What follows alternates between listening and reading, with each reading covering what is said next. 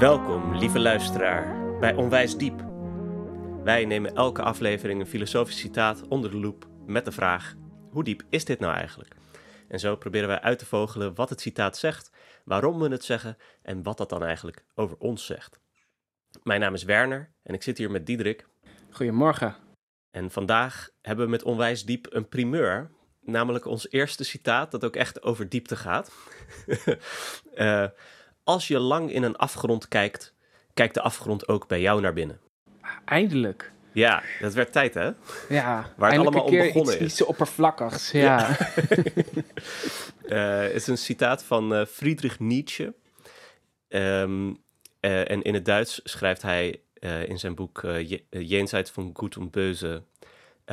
Wer mit un Ungeheuern kämpft, mag zusehen, dass er nicht dabei zum Ungeheuer wird. Und wenn du lange in einen Abgrund blickst, blickt der Abgrund auch in dich hinein. Oftewel in het Nederlands. Wie met monsters vecht, moet ervoor waken dat hij daarbij niet zelf een monster wordt. En als je lang in een afgrond kijkt, kijkt die afgrond ook bij jou naar binnen. Uh, en dan uh, wordt dan met monsters vertaald. En daar kun je ook denken aan verschrikkingen of ontzettingen of ondieren of gedrochten. Ja. Um, en wij gaan het in de bespreking denk ik vooral hebben over die tweede helft. Omdat dat toch... Uh, nou, dat gaat tenminste over een afgrond. Dat is waar Lekker wel... cryptisch en poëtisch. En, ja, uh, daar kun je nog wat meer kanten mee op. Maar we kunnen natuurlijk altijd naar de eerste helft verwijzen... als we niet meer weten wat we moeten zeggen. kunnen de monsters er nog eens bij pakken. ja, ja, precies. uh, ja, even over Nietzsche dan. we hebben hem natuurlijk al een paar keer eerder besproken... Um, hij was uh, dus een Duitse filosoof eind van de 19e eeuw. Uh, en hij uh, had een heel slechte gezondheid. Dus na zijn toch wel snel startende carrière in de academie is hij heel vaak naar de bergen in Oostenrijk en Noord-Italië. Um, dat hij daar verbleef voor de berglucht, die dan goed zou zijn voor zijn gezondheid. En um, dit boek is tegen het einde van zijn leven of in ieder geval het einde van zijn actieve periode geschreven. En uh, naarmate zijn gezondheid slechter werd, kon hij ook steeds korter schrijven, wat ook samenhangt met zijn uh, aforistische stijl, waardoor hij heel korte stukjes tekst, die dan meteen heel uh, veelzeggend of heel cryptisch zijn. en dan maakte hij gewoon een boek van alleen maar soort van denkgedichtjes, zeg maar, allemaal aforismen van maximaal een pagina lang.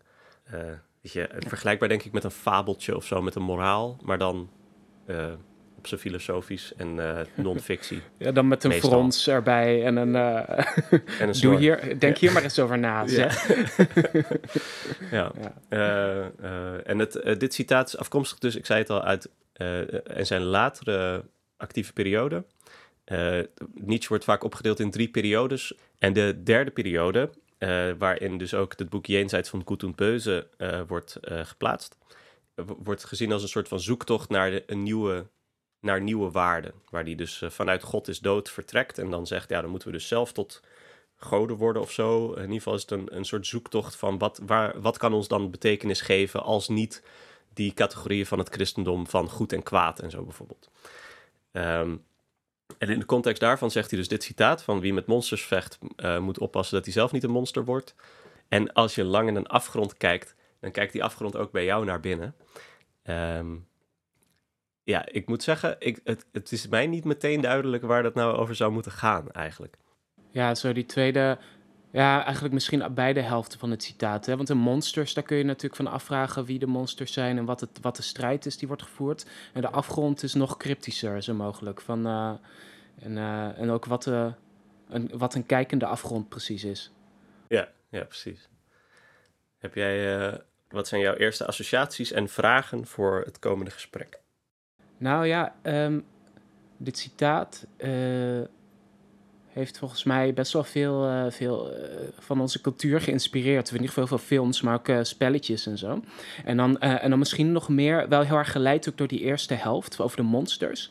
En daarbij moest ik ook wel denken aan een computerspel Diablo.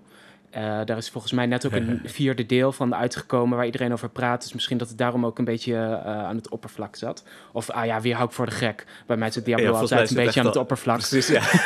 volgens mij is het echt al de, de, derde of de vierde keer Klopt. dat je dit in... En, uh, maar volgens mij ook omdat er meerdere citaten van Nietzsche worden gebruikt in dat, ja. in dat spel. Dus ook in de andere aflevering over Nietzsche geloof ik dat, het, dat ik dat waarschijnlijk heb genoemd. Ze vragen anyway, erom.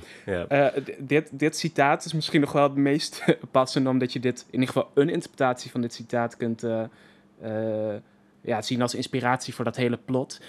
Want in Diablo 1 ben je dan een held die het kwaad moet verslaan, zoals dat uh, gaat in spelletjes. En, in, en, in, dit geval gaat dat heel direct, namelijk je moet afdalen in de hel en dan naar de duivel. En dan moet de duivel natuurlijk verslagen worden, dat is de eindbaas.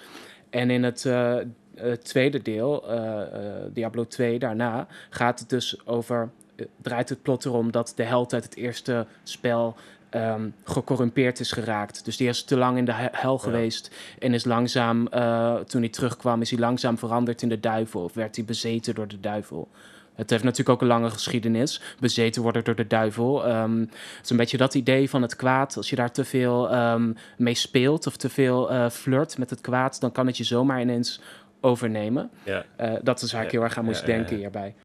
Je hebt ook heel veel van die uh, um, misdaadsverhalen die een vergelijkbare vorm hebben. Van dat je dan dat een detective uh, net zo, zo lang bezig is met de maffia of met seriemoordenaars. Dat hij op een gegeven moment zelf ook niet meer weet wie die is en ook zo wordt, in ieder geval in een zeker opzicht. Dat dat heel erg is waar de, wat, de, wat de film of de serie probeert te analyseren. Dus dan komen we eindelijk bij mijn vraag.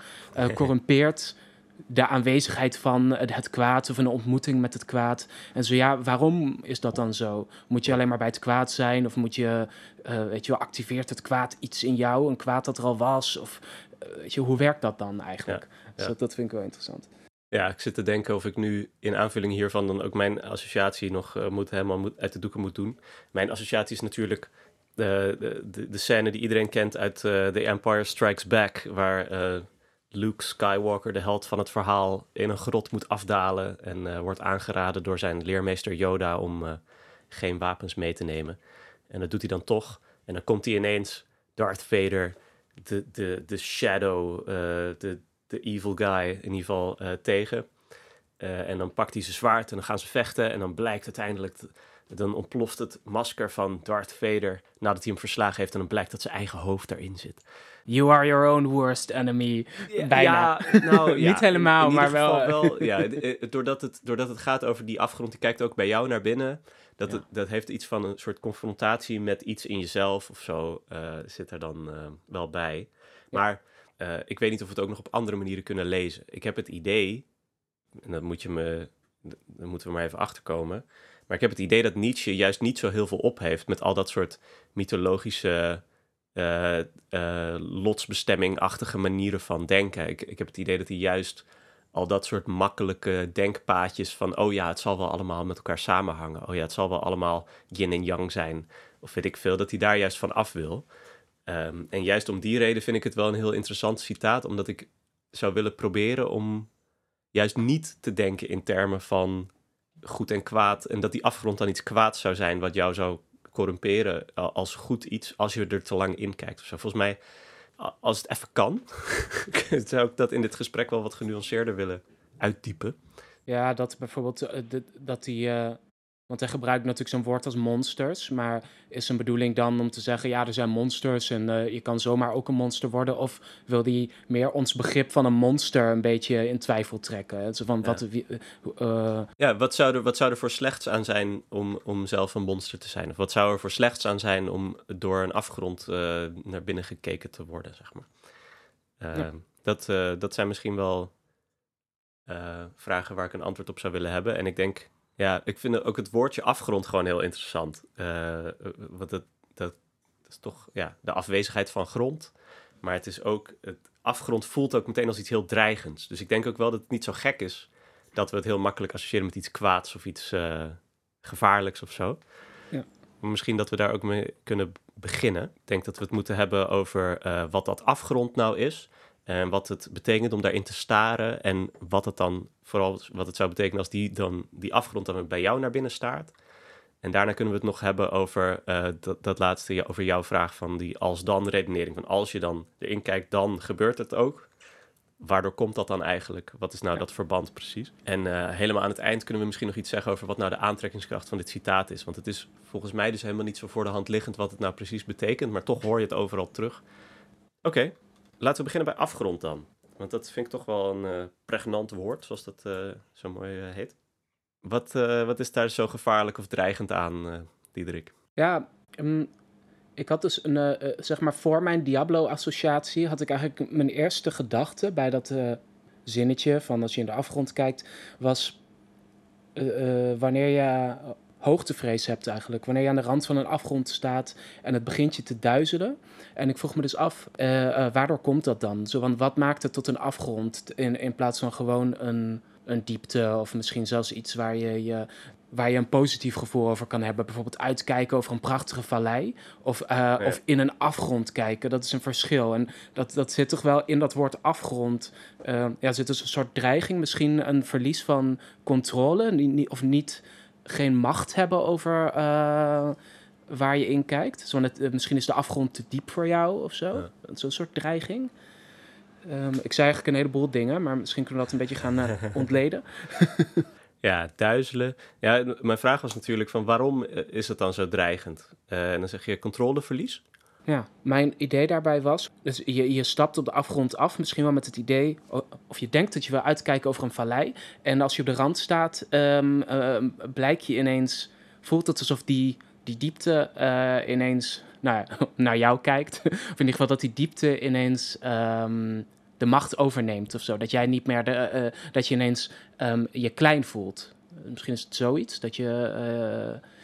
Uh, uh, dat, dat je ineens jezelf in perspectief ziet en denkt: Oh, ik ben wel heel klein in verhouding tot deze gruwelijke, on onpeilbare diepte. Ja. ja.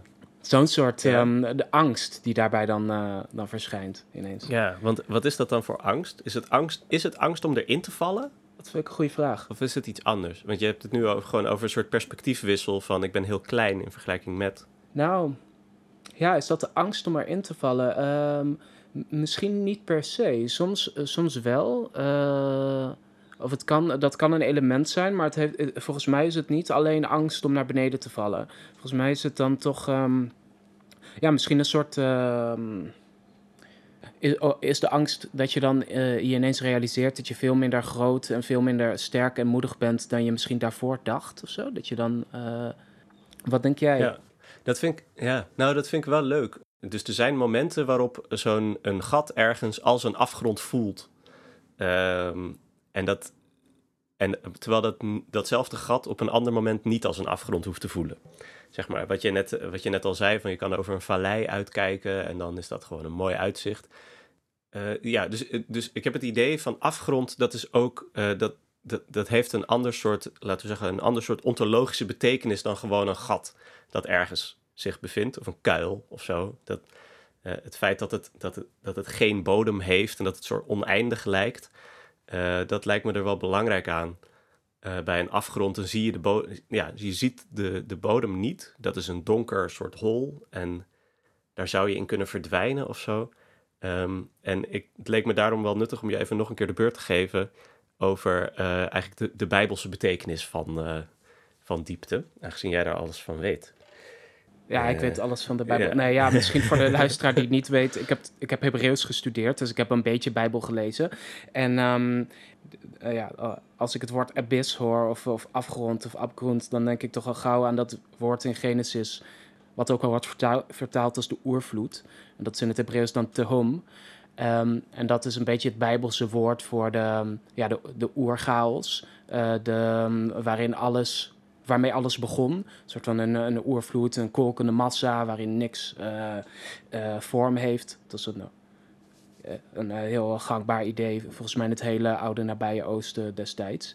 En dat zie je dus ook in de Bijbel. Wordt ook, werd ook wel gezien als een godin, uh, Tiamat. Volgens mij komt het daar oorspronkelijk ja. vandaan, dat woord. Uh, maar goed, dus dat, dat heeft dan de associaties van chaos, uh, vormeloosheid, um, niet weten wat er allemaal in zit. Dus ook inderdaad potentie. zoiets van geen, geen orde, geen controle, geen... ja, misschien ja. ook wel potentie van, want alles kan eruit voortkomen. En ik dacht toen je me net vroeg van... Ben je dan bang bij een afgrond om erin te vallen? Misschien ehm, is het in de confrontatie met zo'n chaos of vormeloosheid... is er wel een soort angst om verzwolgen te worden, om jezelf te verliezen. Een soort in je eigen afgebakendheid of zoiets. Dat je dan... Eh, dat, dat die, die angst ineens reëel wordt. Eh, Ja, dat is iets anders dan de invallen en doodgaan, maar het gaat inderdaad om de opgeslokt worden of verzwolgen worden. Mooi. ik verlies mezelf hierin. Ja, kom, eh, als ik hier eenmaal, als ik hier te lang in kijk, dan kom ik nooit meer terug. Zo, Ja. Zoiets. Eh, ja, ik vind dat wel, ehm, misschien is dat mijn eh, houtje touwtje nep-etymologie hoor, maar ik vind het, het woord afgrond dan ook wel leuk in de context van Nietzsche, als het gaat om ehm, dat we vroeger een, een, een stevig wereldbeeld hadden, zeg maar. Vroeger, dat bekritiseert hij dus in zijn hele carrière eh, van het christendom. Of eh, eh, een goddelijke basis, als het ware, die als grond dient voor al het andere. Voor waar we onze kennis vandaan halen en waarheid en, het goede en het schone en zo eh, aan ontlenen. Dat is allemaal uiteindelijk God. En dat die grond wegvalt op, op enig moment. Of in ieder geval voor Nietzsche dan. Heidegger die gebruikt daar ook leuke... Die heeft er een heel boek over geschreven over de, de Satzumgrund. Eh de, de wet van toereikende grond, zeg maar. Alles moet wel een basis hebben, want anders dan bestaat het niet. en eh, Heidegger zegt dan, geloof ik... Die maakt in ieder geval het woordgrapje Satzumgrund. Dat betekent zowel de wet van toereikende grond als sprong van de grond. Eh, een zat is een soort huppeltje.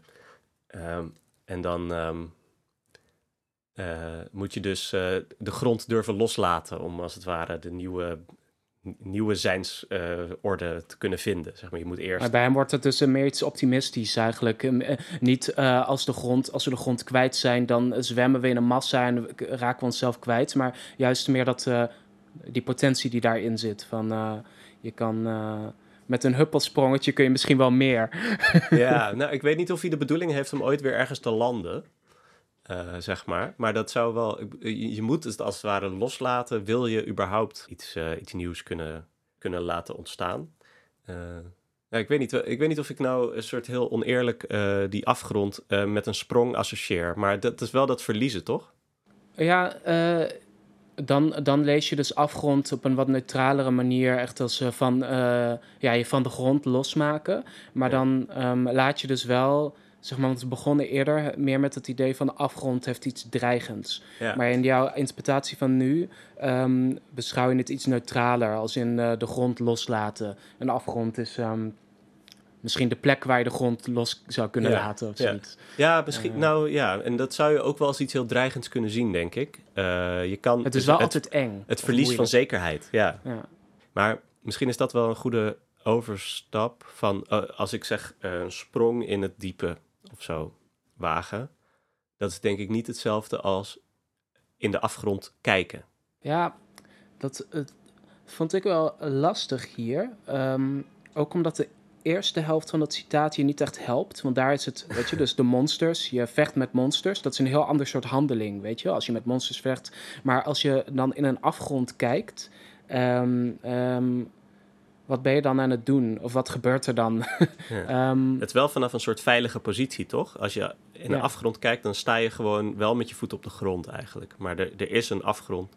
Ja, klopt. Oh, dat is misschien wel een goed punt, inderdaad. Je hebt een. eh, Ja, want op dat punt eh, eh, sta je dus nog, sta je nog op de rand en je hebt, weet dus, laat zeggen, je weet nog wie je bent. En je kijkt in de diepte. en daar is dan een soort van de mogelijkheid om niet meer te weten wie Mm. je bent. Daar, daar gaat ook een soort misschien aantrekkingskracht van uit. Daar hebben we het net eigenlijk niet van Mm. over gehad. Want we zeiden net, de afgrond is eh waardoor verzwolgen zou kunnen worden. Maar eh, je hebt ook een soort van die, eh, hoe noem je dat ook weer? Zo van dat de, de call of de... ehm, Cthulhu. ja, ja, Cthulhu, Cthulhu. Ja, nee, maar dat de afgrond, een afgrond kan ook iets lokkends hebben. Of een soort aantrekkingskracht dat je erin wil kijken. Ehm, juist misschien door de... ehm, ik weet niet of je kunt zeggen dat die dreiging iets bevredigends heeft. Maar er is in ieder geval, er gaat een soort uit, aantrekking van uit. Eh, waarin bestaat die aantrekkingskracht dan? Als het, als het niet Ja. is dat je jezelf kan verliezen erin of zo. Dat het soort van het, het. Ik snap wel dat het ook verlokkelijk. Dat het ook iets, eh, iets eh, verleidelijks kan hebben van. Zoals alcohol of, of, of ander soort. zeg maar, verleidingen van vergetelheid of zo. Van dan hoef je niet, met, met, hoef je niet met dit allemaal bezig te zijn. Jezelf even lekker kunnen verliezen of zo. Of even niet. Je... Ja, zoiets, toch? Uh, ik weet niet of alcohol een goede vergelijking is hoor, maar wel dat idee van de, de verlokking van de vergetelheid. ook, wat is hetzelfde soort christelijke dromen voor een hiernamaals is of zo. Van, oh ja, dan zal ik in gelukzaligheid leven, want dan hoef ik nergens meer over na te denken. Ehm, uh, misschien is dit ook wel een goed bruggetje naar uh, dat effect dat het dan blijkbaar heeft, dat die afgrond ook bij jou naar binnen kijkt. Ik, heb het idee dat we die twee misschien in verband moeten zien. Um, ik vind het ook moeilijk om over het een te praten zonder het ander, dus uh, ja. bij dit citaat. Ja, ja want dan is de verleiding dus dat jij kijkt bij een afgrond naar binnen en dat kan dan iets vormeloos of iets chaotisch of iets kwaads, kwaadaardigs zijn of iets van onzekerheid. Uh, en daar kijk je dan naar binnen. Maar ik weet niet of dat jezelf ook echt verliezen hetzelfde is als dat die afgrond bij jou naar binnen kijkt. Ik weet niet hoe jij daarover over denkt, of hoe je dat anders zou moeten zien.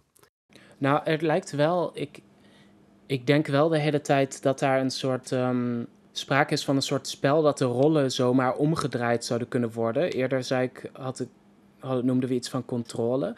Dus als je naar de afgrond kijkt, je, je, je wordt aangetrokken. Laat zeggen, misschien moeten we die afgrond dan even uh, iets concreter maken. Bijvoorbeeld een. Um, ja, wat zou dat kunnen zijn? Uh, uh, misschien meer vrijheden nemen met je principes of zo. Je hebt bepaalde principes of bepaalde gedragingen die goed zijn. En um, in de afgrond kijken kan bijvoorbeeld betekenen dat je je. even het voorbeeld van je tegenstander volgt en het niet zo nauw neemt met je eigen regels. maar denk je, of vind je, dat een, vind je dat een slecht voorbeeld? Volgens mij moet je het een beetje zo zien. Als je speelt met de mogelijkheid dat het allemaal toch niet waar, dat het allemaal niet waar is. Of zo. Mhm. Dus wat jij wel zei, van dat je je eigen regels, uh, de levensregels die je voor jezelf hebt bedacht, of wat normaal is of wat goed is, uh, dat je de, de mogelijkheid overweegt van dat dat allemaal misschien wel niet zo is. Dat is in de afgrond kijken. Volgens mij moet je het een beetje zo. Ja, klopt. En dan kan het, uh, je kan dat misschien doen als een soort vanuit een positie van controle. Je weet toch wie je bent en je weet toch hoe de dingen in elkaar zitten. En, ehm, en vervolgens kun je daar misschien een beetje aan gaan morrelen en denken: oké, nou misschien is het allemaal wel niet zo zeker. En als je daar heel lang mee bezig bent, kun je je ineens in een positie bevinden dat je nergens meer zeker van bent. En dat de onzekerheid um, de. Um, ja, dus dat is dan de afgrond die terugkijkt. Zo gezegd, die, uh, jij was degene die naar de afgrond keek, uh, maar ineens had de afgrond de overhand. Dus dat de rollen worden omgedraaid. Dat, er, ineens, mm. dat je alleen nog maar onzekerheid aantreft in jezelf. Terwijl je misschien begon met een paar van je eigen principes bevragen. Om te zien wat er, wat, er, wat er dan zou gebeuren. Ja, ja. En uh, nou wil ik je toch wel even uitdagen van wat heeft het dan met, met naar binnen kijken te maken? Want die afgrond die je zou kunnen zeggen, die dringt bij jou naar binnen of zo. En die, die dringt jou binnen en die ontneemt je dus al je zekerheden. Maar naar binnen kijken vind ik toch... Ik heb het idee dat, dat, dat je dat anders moet lezen. Of althans, is er een verschil tussen, dat, tussen uh, naar binnen dringen en naar binnen kijken? Eh, vind je daar zelf iets van? Of heb je daar zelf een, uh, een idee van? Want ik, ik, ik, lees dit toch al gauw. Of ik bedoel, dit is zo cryptisch dat je het. omdat hij natuurlijk ook weer zo'n omdraaispelletje speelt met dit citaat. Dat je niet weet hoe letterlijk je die tweede helft moet nemen. Van dat de, de afgrond ook naar jou kijkt. Of dat hij daarmee gewoon meer probeert te zeggen. Um, dat hij het gewoon omdraait meer om duidelijk te maken. Jij bent niet de enige die iets doet. Uh, je kan zomaar uh, ineens. Um, overgeleverd zijn aan, uh, aan de wereld of dat, dat wat je. Um... Ja. Maar, ja, maar dus ook overgeleverd zijn. Is, er, is er een verschil tussen ergens aan overgeleverd zijn en dat diegene bij jou naar binnen kijkt? Ben, ik ben het er wel mee eens dat er een soort overeenkomsten zijn van een. Uh, als iemand bij jou naar binnen kijkt, dan is dat een soort schending van je privacy, zeg maar. Dat maakt je dan op de een of andere manier kwetsbaar, of in ieder geval is het iets intiems, mm -hmm. wat misschien niet gewenst is.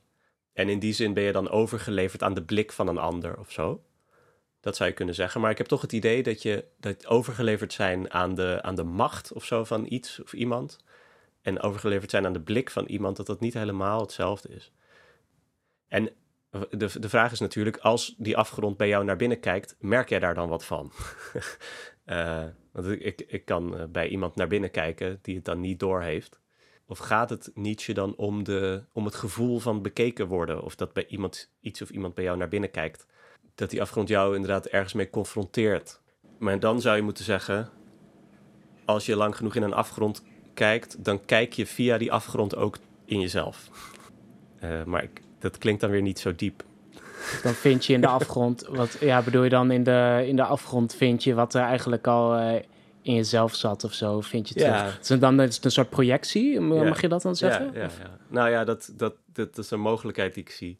Maar is het dan de afgrond um, die jouw blik soort van terugkaatst of zo? Of hoe uh, dat je um, of die jou je spiegelbeeld toont? Of? Nou ja, um, ik ben, ja goed, ik ben een beetje aan het, aan het worstelen geloof ik, omdat ik uh, heel graag niet wil dat het dat beeld van Luke Skywalker in de grot is.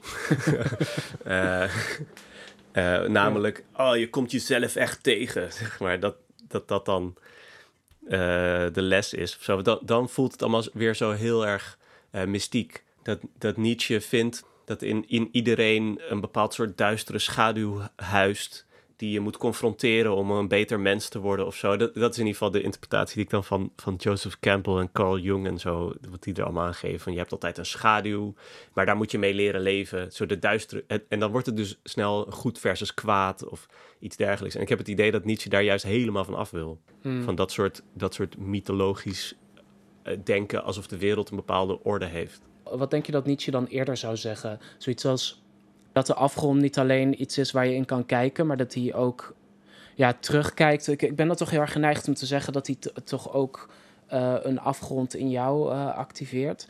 Maar dus niet, dan heb ik het niet over kwaad, maar uh, meer dat het alles een beetje op losse schroeven zet. Juist dat hij zegt, wie is het monster en waar is de afgrond precies? Dat is niet zo duidelijk in de menselijke relaties of in de menselijke omgang. En dat kan zomaar, dat kan zomaar wisselen. Misschien wat het op losse schroeven zet, is wel uh, wie de handelende partij is, toch? Van uh, je denkt dat jij degene bent die kijkt en dat de afgrond is wat er bekeken wordt, maar mm. eigenlijk um, um, kijkt alles naar elkaar. En ja, er is okay. geen soort van, als je het hebt over perspectief, is er niet een soort van één neutraal perspectief, maar alleen maar verschillende dingen die naar elkaar kijken. Ja, ja maar dan, oké, okay, laten we dit punt dan eventjes nemen. Als jij naar iemand kijkt de, en uh, dingen kijken naar elkaar, dat dat dan de ja. betekenis is dan wil ik dat naar binnen kijken eventjes uh, verder op inzoomen. Want stel, ik ben jou aan het bekijken door het sleutelgat van een deur of zo. En ik kijk naar hoe jij aan het dansen bent op uh, de muziek die je op hebt staan, terwijl je denkt dat niemand kijkt. Uh, al die tijd niet wetend dat jij met een camera die op de gang hangt, mij aan het bekijken bent, zeg maar. En op het moment dat ik dan geconfronteerd word met van, oh, ik dacht dat ik jou aan het bekijken was. Zeg maar, de hele gaze theory van alle films en zo. Um, dan maakt mij dat ineens ook weer kwetsbaar. En dan blijkt uh, de blik ook een, een bepaald soort machtsinstrument of uh, een machtsspel wat daar dan aan de gang is. Van als ik jou bekijk, dan ben jij passief en kwetsbaar. En als dan blijkt dat jij mij bekijkt, dan ben ik weer. dan, dan zijn wij met elkaar in een soort van strijd. Um, maar er staat niet, als jij de afgrond bekijkt, dan bekijkt de afgrond jou. maar er staat, als jij in de afgrond kijkt, dan kijkt die afgrond ook bij jou naar binnen. En uh, misschien laat ik, laat ik de vraag dan zo stellen. Wat ziet die afgrond dan als hij bij jou naar binnen kijkt? Als ik, ik bedoel, als ik een nihilist was, dan zou ik zeggen: de afgrond is, dus even uh, waarmee we begonnen, de afgrond is onpeilbaar bodemloos. Uh, en de afgrond kijkt terug, dan ontdekt de afgrond misschien dat jij ook bodemloos bent. En dat jij misschien hm. helemaal geen. Dat, dat zou een manier zijn om uit te leggen naar binnen kijken. Ja. Wat de afgrond ziet als hij bij jou naar binnen kijkt, dat is niks eigenlijk. Ja. Een even, de, even, even um, grote leegte of een even, misschien, of een even chaotisch kolkende massa, als je het afgrond zo wilt lezen, als, uh, uh, als zich buiten jou lijkt te bevinden. Ja. Met een hooguit vernislaagje die, die orde veinst. Ja. Uh, ja. Uh, ja, heel, maar ja, ik, ik vind het wel grappig omdat we dan toch heel erg Freudiaans uiteindelijk uitkomen. Van, oh ja, er is, uh, je geeft alle, wel betekenis aan van alles in je leven. En je plakt overal wel een soort van stickertje op van hoe het is en uh, hoe het in elkaar hoort te zitten.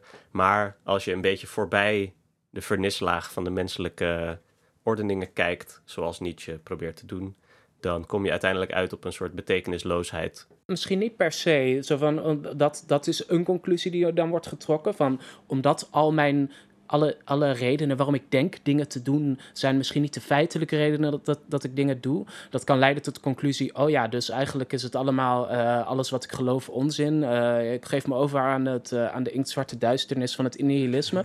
Of je kan je realiseren, want dat is wat Freud eigenlijk zegt, dat is echt, echt een rationalist. Nee, daaronder zitten motivaties en redelijkheid die ook wel echt. Um, zitten andere motieven. Dus niet niks, maar gewoon andere motieven die jij misschien niet helemaal onder controle hebt. Of die je zeker niet onder controle hebt. En het zijn niet jouw motieven, maar het zijn, het zijn inderdaad een soort biologische motieven. Ja. Jouw genen of zo, als je het dan hedendaagser wil interpreteren. Die, die hebben bedoelingen met jouw lichaam, waar jij als, als zelf of ego het niet per se mee eens hoeft te zijn. Ja, maar je hebt dan nog wel een soort niveaus van, van uh, het geordende, geordende lagen van het zelf richting de pure chaos of de, het pure niks, de, de, de, ja, de, de, uh, ja, de pure afgrond, zo gezegd. Ja, maar het heeft niet een uh, eindpunt. Het heeft niet een, een natuurlijk punt waar het dan allemaal op gericht is wat goed is. Zoals met wanneer je wel een god in de armen neemt. Uh, zeg, uh, maar is het dan ook zo? On this happy note. Laat, laten we nog eventjes heel kort... Uh, laten we nog even kijken wat er gebeurt als we vragen... zijn we het er nou ook mee eens? Want ja. we hebben die... dat was de vraag waar jij mee begon... was die, die als-dan redenering. Waarom is het dan zo dat die aanwezigheid van, met, van het kwaad... of ontmoeting met het kwaad... of wat we nu hebben ontwikkeld... ontmoeting confrontatie met uh, de, de, de, de nietsigheid, de chaos of de, de vormeloosheid. Waarom zou dat dan vormeloosheid bij jou zichtbaar maken? Ik kan, me heel goed, ik kan heel goed voor een zee staan en denken, nou, dit is allemaal best wel vormeloos, maar ik in ieder geval niet, toch? Ja, goed punt. Want um, de vraag is dan, want hij zegt natuurlijk wel, als je lang, als je lang in een afgrond kijkt, of als je Misschien als je te lang naar de zee kijkt, of als je heel veel tijd met de zee doorbrengt, uh, dan ga je misschien wel jezelf steeds meer begrijpen in termen van, van, van de zee. Hmm. Of hoe je dat dan ook verder wil uitleggen. Want ik zou zeggen, als je hem. Ja, als je af en toe naar zee gaat, dan weet je dat is de zee en dit is wie ik ben. Maar als je natuurlijk aan zee woont en je moet daar de hele dag maar iets mee, dan raakt dat natuurlijk veel meer, kun je zeggen, dat wordt deel van je, toch? Dus in die zin is uh, tijd doorbrengen met. Dus lang in, de, in een afgrond kijken of lang naar die uh, vormeloze massa kijken. Dat, um, nou ja, dat is dan de vraag. Maakt dat jou ook vormelozer? Maakt dat jou meer zoals dat waarnaar je kijkt? Word jij dan steeds iets meer als de zee? Is het een soort van beïnvloedingsreactie? Of, um... Ja, ja uh, dus is het, dan, is het dan inderdaad die zee die dat doet? Of ben jij het die ja. dat doet? Want uh, nu je dit zo uitlegt, denk ik van um, ja, dat komt doordat je een, een uh, mens bent dat voortdurend aan het denken is. En overal een soort interpretaties van geeft. En dan de dingen in je blikveld gebruikt als een soort associatieve kaatsbal van, oh ja, dat, het is ook een beetje zoals dit wat ik hier nu voor mijn neus heb. Oh ja, het is ook een beetje zoals dit wat ik hier nu voor mijn neus heb. En als je dan maar lang genoeg iets vormeloos uh, voor je neus hebt, dat je dan vanzelf een beetje gaat denken van, oh ja, het is ook wel allemaal, ah ja, eh, er zijn wel meer dingen in de wereld die een beetje vormeloos zijn. Uh, zoals ik misschien ook wel. Maar dat het dan gaat om het reflectieve proces wat er wat komt, wat als het ware secundair is aan jouw directe ergens naar binnen kijken. Maar je kan dat wel zien als een, als een uh, soort natuurwet, toch? Dat hoe langer je. Uh, want je hebt dat niet zelf in de hand. Dat te zeggen, stel jij wordt. Je hebt geen andere optie dan aan zee wonen. Dan zul je automatisch misschien meer die. Uh, dan zou je misschien anders naar de wereld gaan kijken. Of misschien een iets makkelijker voorbeeld. Stel, je kan bijvoorbeeld ook een, een oorlogssituatie als de afgrond zien. Een soort van alle normale. Alle normale um, laten zeggen, de samenleving, het normale samenleven is de grond. En daar breekt oorlog af. We storten ons in de afgrond samen. Uh, niks is meer, weet je wel, er, uh, niks is meer zeker. Mm. Als je daarin leeft, zul je automatisch veranderen. Je zal, en dan kun je zeggen, je gaat meer op die afgrond lijken. En dat is iets waar je niet aan kunt ontsnappen. Zo van, jij bent niet degene die daar de controle over heeft. Ja, maar dan word je dus, dan zou ik wel zeggen dat, dat je in de afgrond wordt gestort. En niet dat je in de afgrond aan het kijken bent. Een oorlog waar jij niet zelf je in bevindt, maar bijvoorbeeld heel veel oorlogsfilms of heel veel materiaal uit een oorlog bekijken of zo. Eh, ten opzichte van je daadwerkelijk in die oorlog bevinden. Ja. Uh, ja, dat is misschien wel een belangrijk verschil om hier, of onderscheid om hier te maken. Ja, wat ik, wat ik wel een interessant idee vind, um, is dat uh, in een afgrond kijken, dat lijkt iets onschuldigs en, en, en, en veiligs. Eh, maar je hebt natuurlijk wel een soort hoogtevrees. Of er, er, er is een werking die uitgaat van die eh, diepte. Het is niet geheel ongevaarlijk. En de reden is dat je zomaar iets van jezelf zou kunnen verliezen. Ook al gooi je jezelf er niet in. Maar doordat je er naar kijkt, eh, gaat er een bepaald soort reflectiemachine bij jou aan de gang. Waarbij je toch, toch ook uh, met onzekerheden zult worden geconfronteerd waar je misschien helemaal niet tegenaan, waar, waar je misschien helemaal niet aan wil beginnen of zo. Denk niet dat kijken veilig en passief is, toch? Van, je, kan, je denkt dat je, dat je vanuit je op je dooi gemak, vanuit een, misschien uit een objectieve of een neutrale positie naar dingen kan kijken. Maar waar je naar kijkt, dat oefent invloed op je uit. Dat verandert hoe je naar andere dingen kijkt, bijvoorbeeld. Of hoe je. En dat is wel. Maar ben je het daar ook mee eens? Want uiteindelijk was de vraag waar we het dan nu over hadden: was, uh, klopt dat nou en waardoor komt het dan? Dat, dat die werking ervan uitgaat. Is, is dat wel zo? Of zou je ook zeggen dat je iets neutraal, slash objectief, slash veilig kan beschouwen? Ja, ik ben, het, ik ben het daar geloof ik wel mee eens. In de zin dat je. Ehm, daar zat ik ook een beetje over te, te, te mijmeren. Van alles wat, je, alles wat je denkt, alles wat je ziet, verandert een beetje hoe je kijkt of hoe je denkt. Het maakt niet uit hoe irrelevant je denkt dat bijvoorbeeld een feitje in je hoofd is of uh, iets in je blikveld. Het verandert altijd een soort van de compositie of het verandert hoe je vervolgens hoe je in de wereld oriënteert. Ja, alles wat je doet en denkt heeft gevolgen. Ja, uh, en ik geloof niet dat er een soort van neutraal, los, uh, losgezongen kijken is. Mm. Dus in die zin, als dat is wat we van het citaat maken, dan zeg ik daar ben ik het mee eens. Um, wat denk jij daar eigenlijk van? Want dat weet ik niet. Nou ja. Um, ben je daar sceptisch over? Ja, een beetje wel. Ik vind het zo vervelend dat het zo snel ga ik dan met allemaal andere oppervlakkige zinnetjes uh, werken. Zoals je bent wat je eet. Of let op je woorden, want ze worden je gedachten. En let op je gedachten, want ze worden je daden. En let op je daden, want uh, je daden worden je gewoontes. En let op je gewoontes, want je gewoontes worden je lot. Of zo. Dat is dan zo'n hele mooie spirituele mindfulness manier om te kijken naar hoe alles wat jij doet uiteindelijk iets bepaalt voor je eigen leven. Ehm, en je merkt al in het gesprek dat ik daar heel graag van af wil blijven, omdat ik geloof ik Nietzsche wil beschermen tegen de clichés die er rondom hem bestaan. Ik denk dat dat mijn, mijn vooral, voornamelijke reden is. Uh, ik wil een soort de menselijkheid van Nietzsche en de intelligentie van Nietzsche en de nuances van Nietzsche een beetje bewaren door, door het niet helemaal eens te zijn met, uh, met zijn uitspraken. Op zich vind ik dat heel nobel. Ja. Maar de vraag is of dat, of dat in dit citaat die nuance in die zin zit. Want ik denk ook misschien dat dit wel een, gewoon een cliché van onze cultuur is geworden. En misschien ook wel eigenlijk zoals hij dit op dat moment bedoelde. Want wij proberen natuurlijk gaan erin porren om te zien wat we er nog meer mee kunnen. Ja, we komen er wel steeds op uit ja, ik bedoel, ik vind het toch steeds. Ik merk dat ik wel altijd steeds weer in een cirkel draai die uitkomt bij iets dat zich ook laat vertalen naar tien clichés uh, uit uh, mindfulness of uit weet ik veel. Maar ben je het dan eens met dit citaat of niet? Om, ook al is het een cliché. Ja, ik geloof ondanks dat het een cliché is. Ik zou hier gewoon, volgens mij. Um, je wordt door alles wat je ziet ook beïnvloed. Volgens mij vind ik dat nog steeds, ook wetende dat het een cliché is. En wetende, ik geloof niet dat ik het alleen maar aannemelijk vind, omdat omdat het me doet, doet denken aan dingen die ik vaak hoor. Nou, vooruit. Mag het? het mag. Wanneer je met Diederik in gesprek bent, is Diederik ook in gesprek met jou. Uh, Precies. ik heb nog niet helemaal een standpunt ingenomen. Ik heb alleen maar mijn weerstand, standpunt mijn weerstand uh, kenbaar gemaakt. Nou, goed. Op, op, dus ik ben het er op een oppervlakkige manier zie ik er wel wat in.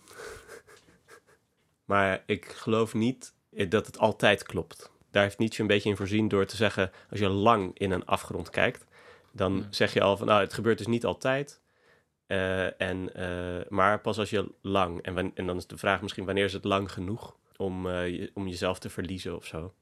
En dan is het nog de vraag, is het dan de bedoeling dat je lang in een afgrond kijkt of is dat juist het gevaar waar die voor waarschuwt? Is, het, is het een goed iets of is het oké om jezelf uh, dan uh, te verliezen of te confronteren met de nietsigheid van alles? Ja. Of is dat, um, heeft dat een iets problematisch? Ja, ik, ik, ik zou willen zeggen, het citaat is niet helemaal af, omdat dat lang genoeg daar zit nog een hoop andere dingen in. Het is niet alleen maar tijd, maar daar moet je ook reflectie en, en zo voor hebben. En het zal vast niet bij iedereen gebeuren dat die afgrond bij ze naar binnen kijkt en dat dat hij daar dan een diepte aantreft. Dat verwacht ik ook niet helemaal. Ik geloof dat ik de, het gemak waarmee het heel profound klinkt, om die reden wil ik het niet uh, de punten geven. Goed, ik ben het er dus blijkbaar mee eens. Het mag, uh, het mag blijven bestaan. Oké, okay, Werner's conclusies, hij zit er mee eens, met... maar hij wil het er niet mee eens zijn. En ja. daarom toch een paar kanttekeningen ja, van. Nou, met een hoop voetnoten, laat het zo zeggen. Oké, okay. uh, wil je daar een cijfer aan geven? Ik bedoel, het krijgt natuurlijk wel gewoon een team voor diepgang, want daar kun je ook niet omheen. Ja, goed. Uh, ik, ik denk dat ik dus om, vanwege al die weerstand de, uh, toch vind dat het, een, dat het een zesje moet zijn. Het is wel voldoende, maar uh, verschrikkelijk uh, diep inzicht in het leven biedt het niet. Het voelt ook wel, ergens heeft het gewoon iets puberaals en, en oppervlakkigs. Ik vind toch wel dat uh, um, die diepte die terugkijkt heel suggestief is. En het is een beetje aan ons en, en of wij vinden dat dat dan diepgang is. Of, want ik bedoel, elke poëzie is in die zin pijloos diep. Uh, of elke cryptische zin is in die zin pijloos diep. En dan moeten we eigenlijk gaan uitvechten of het er daarvoor een punt meer kan krijgen uh, of niet. Want ik zou zeggen, je kan er. Het, het is wel prikkelend van die diepte die terugkijkt. Ik vind dat wel, daar ging ik wel door nadenken. Oh ja, hoe. Um, of de afgrond die terugkijkt of die in, in mij kijkt, wat zou dat kunnen betekenen, wat zou die daarmee kunnen bedoelen. En dat genereert wel heel gauw een heleboel verschillende ja. Nou ja, associaties en ideeën. Maar ik, ik denk, oké, okay, lang verhaal kort, ik denk dat ik naar een 7 neig dan. Okay. Een 7, 7 en een half. Okay. 7,5? Nee, een 7. Een 7 wordt het. Goed, oké. Nee, daar kan ik mee leven. Als, je, als wij verder dan één punt uh, van elkaar afwijken, dan dan houdt de podcast op. Uh, dan komt er een vervolgaflevering totdat we een gelijke score uh, hebben. Ja, Gewoon een heel seizoen alleen maar over één citaat. Oké, okay, een 6 en een 7, vooruit dan maar. Zeg, uh, beste luisteraar, ben je er nog?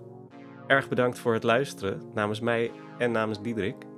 En over twee weken zijn we weer bij je terug met een nieuwe aflevering. heb je nou zelf een mooi citaat? of een vraag, stuur die dan vooral naar onwijs.diep.protonmail.com. Je kan ons ook een bericht sturen op Instagram. Daar hebben wij hier en daar een reel met een klein stukje van iedere aflevering staan. Als je dat eh, nog niet gezien had. Super grappige plaatjes van uh, Diederik en van mij. Zeker. En tot slot dan, bedankt voor het luisteren. En tot de volgende aflevering. Ja, tot de volgende aflevering.